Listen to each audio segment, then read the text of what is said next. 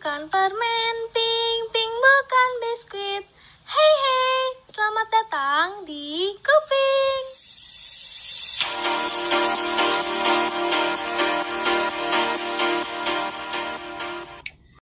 Assalamualaikum warahmatullahi wabarakatuh.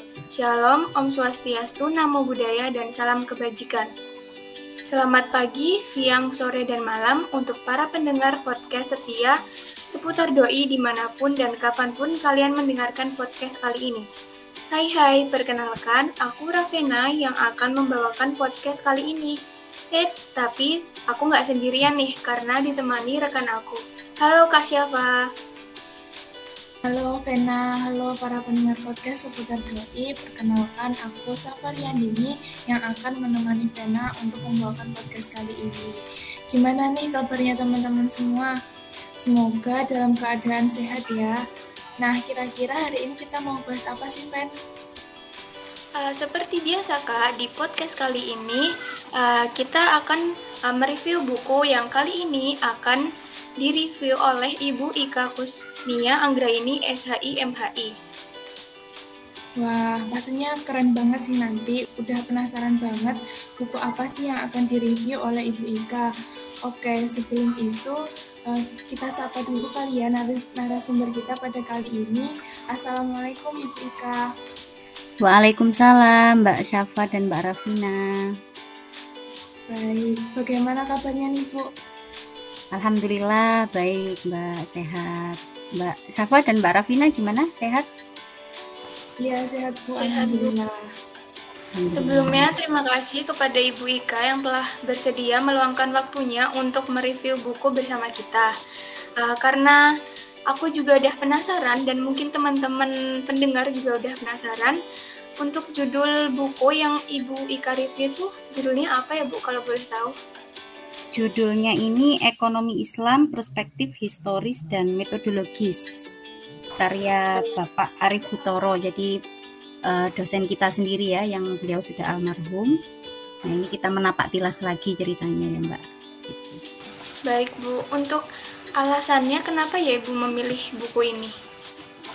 Uh, menurut saya tidak banyak karya dosen ekonomi Islam yang uh, menulis terkait dengan akar keilmuan ya, menulis ekonomi Islam dari segi akar keilmuannya mungkin lebih banyak eh, tulisan-tulisan uh, terkait dengan implementasi gitu ya bagaimana kemudian dalam rangka mengimplementasikan ekonomi Islam kemudian dalam rangka pengembangan gitu ya tapi beliau ini uh, menulis dari segi akar ya filosofisnya gitu sehingga ini merupakan bagian yang cukup fundamental gitu yang harus diketahui oleh para penggiat-penggiat ekonomi Islam terutama adik-adik mahasiswa ya gitu.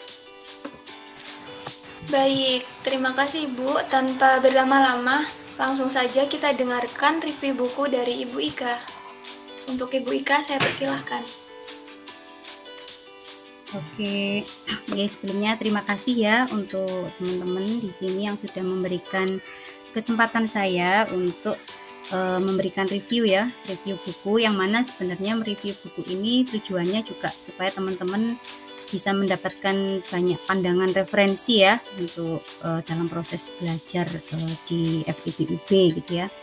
Dan karena di sini saya home base-nya adalah di EKIS ya, ekonomi Islam sehingga di sini buku yang saya angkat adalah bertemakan ekonomi Islam. Meskipun uh, ini tidak hanya dikonsumsi oleh mahasiswa EKIS saja ya, tapi ya keseluruhan mahasiswa para penggiat ilmu ekonomi pasti harus harus tahu dan harus membaca ini gitu ya uh, di sini pertama ketika kita membahas tentang buku ya kita pasti akan uh, melihat dari aspek uh, kegelisahan akademik ya. Seorang penulis, seorang pengarang itu pasti ketika dia menulis yang mengawali ya, mengawali untuk menulis itu pasti adalah rasa penasaran gitu ya. Rasa penasaran, ada sebuah konflik batin gitu ya. Ada sebuah tadi yang saya sebut dengan kegelisahan akademik gitu ya yang menurut beliau ini harus dipecahkan, ini harus ditulis eh, untuk bisa uh, apa namanya menjawab kegelisahan tersebut kan begitu. Sehingga ini juga nanti akan memahamkan bagi para pembaca gitu ya. Uh, dan ini yang telah ditulis oleh Bapak almarhum Arif Butoro ya. Beliau adalah eh, KPS Ekonomi Islam periode sebelumnya ya sebelum eh, digantikan oleh Ibu Dr. Sri Mulyaningsih ya.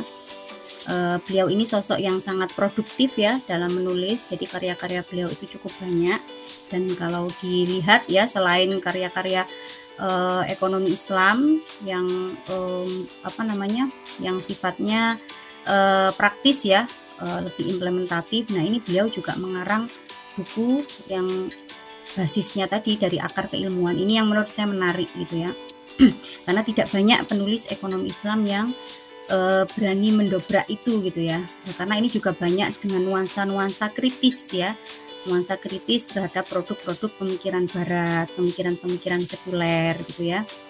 Nah, ini yang kemudian e, perlu kita buka ya dalam buku ini. Nanti teman-teman mungkin ingin lebih jelasnya bisa e, membeli bukunya ya. Banyak sekali sekarang kan di toko-toko buku juga e, sudah ter apa? Terdistribusi ya kemudian di online shop gitu ya. Itu banyak sekali. Judulnya ekonomi Islam perspektif historis dan metodologis ya. Nah, di sini eh, tadi yang saya sebut dengan kegelisahan beliau adalah eh, begini banyak ya orang-orang yang menyaksikan ya.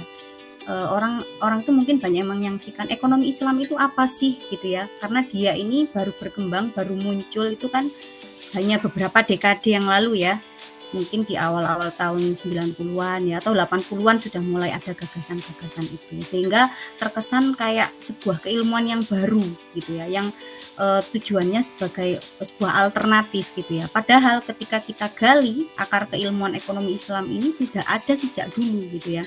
Jadi istilahnya kita sekarang ini uh, istilahnya mengumpulkan kembali ya serpihan-serpihan hazanah keilmuan ekonomi Islam yang sudah tercerai-berai bertahun-tahun seperti itu. Kita kumpulkan kembali ya. Dan kita munculkan kembali seperti itu.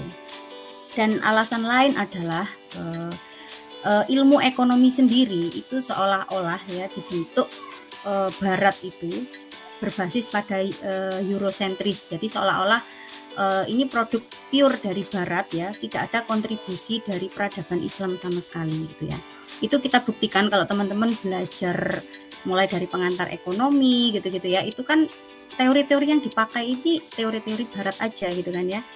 Eh, Adam Smith gitu ya. Kemudian mungkin kalau yang di abad pertengahan yang dirujuk itu Thomas Aquinas gitu ya. Kemudian langsung loncat ke era-era Yunani yang itu sebelum Masehi dan itu sangat jauh gitu ya uh, dari merujuk uh, apa ilmuwan ilmuwan-ilmuwan di era Yunani itu kemudian langsung meloncat ke abad pertengahan itu jaraknya itu sekitar 500 tahun gitu ya. Nah itu kan sangat nggak mungkin ada masa kekosongan. Uh, jadi uh, hal yang dianggap oleh Barat itu disebut dengan uh, the Great Gap. Jadi ada teori Schumpeter itu itu dia mengatakan adanya sebuah the great gap, ada masa kekosongan gitu ya, yang mana uh, ada loncatan yang panjang gitu ya dari teori-teori yang dikeluarkan oleh para pemikir Yunani langsung loncat ke abad pertengahan, kemudian dilanjutkan pemikiran klasik modern itu ya oleh Adam Smith dan dilanjutkan sampai sekarang. Itu ada yang disebut great gap tadi, yang kemudian ketika diteliti di great gap itu itu adalah periode ya di abad 5 sampai abad uh, eh, 17 itu adalah periode the golden ages of Islam. Jadi di situ itu justru karya-karya cendekiawan muslim itu sangat produktif sekali, sangat banyak melahirkan karya-karya termasuk di bidang ekonomi gitu. Yang itu kemudian diketahui ada ada kesamaan dengan eh, teori-teori yang kemudian dikeluarkan oleh pakar-pakar era abad pertengahan dan abad modern klasik seperti itu seperti Adam Smith, seperti Thomas Aquinas yang ternyata e, pemikiran mereka ini hampir sama gitu ya. Merujuk ya, jadi merujuk pada cendekiawan-cendekiawan muslim ini. Tapi masalahnya yang menjadi masalah adalah mereka tidak mengutip sama sekali gitu ya. Tidak menyebutkan ini pemikirannya dari siapa gitu ya. Nah, padahal kalau kita lihat dari periodisasi sejarah gitu ya, periodisasi sejarah itu ada yang namanya proses transmisi keilmuan gitu ya. Jadi ketika masa kejayaan Islam itu ada transmisi keilmuan antara peradaban Islam dengan barat. Jadi ketika dulu di barat itu mengalami yang namanya masa kegelapan ya. Ada masa kegelapan karena kan dulu di Eropa itu sebelum masa Renaissance ya, pencerahan, masa pencerahan itu itu di barat itu memang e, syarat dengan doktrin-doktrin gereja gitu ya. Jadi agama itu e, menjadi sebuah hal yang menghalangi kemajuan keilmuan gitu ya. Sementara saat itu di Islam justru maju sekali peradaban keilmuannya karena keilmuan itu tidak dibatasi oleh doktrin agama. Islam itu e, kalau bisa kita sebutkan rahmatan lil alamin. Jadi e, berkembang, keilmuan itu bisa berkembang gitu ya. E, sehingga kemudian terjadi transmisi. Orang-orang barat itu dulu banyak yang belajar ke dunia Islam ke apa negara-negara Islam gitu ya. Di kan dulu dalam satu daulah gitu ya. Nah, sehingga ada proses transmisi ini yang meniscayakan bahwa pemikir-pemikir Barat ini pasti juga mereka belajar gitu. Mereka mereka mengambil pemikiran dari uh, cendekiawan-cendekiawan Muslim gitu ya. Tapi yang sayangnya itu tidak dikutip gitu ya Uh, akan tetapi ketika kita menelusuri lagi ya eh, referensi-referensi itu terdapat banyak sekali kesamaan. Contohnya ya seperti uh, pemikirannya Al Ghazali gitu ya.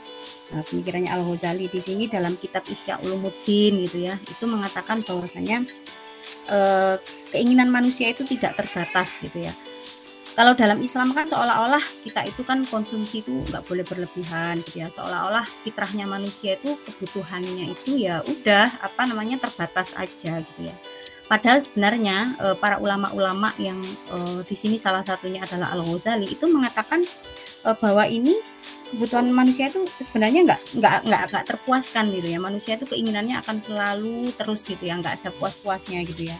Yang mana kemudian aksioma ini kemudian memperoleh tempat yang utama dalam ekonomi modern gitu ya. Karena kan ekonomi modern ini kan berangkat dari keinginan manusia yang tidak terbatas ya atau unlimited wants ya melalui sumber-sumber daya yang terbatas atau limited resource kan begitu. Jadi sebenarnya banyak sekali teori-teori yang dihasilkan cendekiawan muslim yang kemudian itu di uh, dikutip ya oleh para pemikir-pemikir modern ini seperti itu. Dan ini yang kemudian e, tidak mungkin kalau kemudian ada masa kekosongan itu gitu ya. Pasti orang-orang ekonom barat ini juga belajar dari eh, karya-karya cendekiawan muslim gitu ya. Nah makanya kenapa di ekonomi Islam ini e, kita juga belajar kitab-kitab klasik supaya kita tahu. Karena banyak sekali ilmuwan seperti Al Kharaj ya Abu Yus eh, Al Kharaj itu kitab yang di, ditulis oleh Abu Yusuf Ibnu Taimiyah ya kemudian uh, banyak sekali ya para ilmuwan-ilmuwan ya termasuk Al Ghazali juga ya Al Kindi Al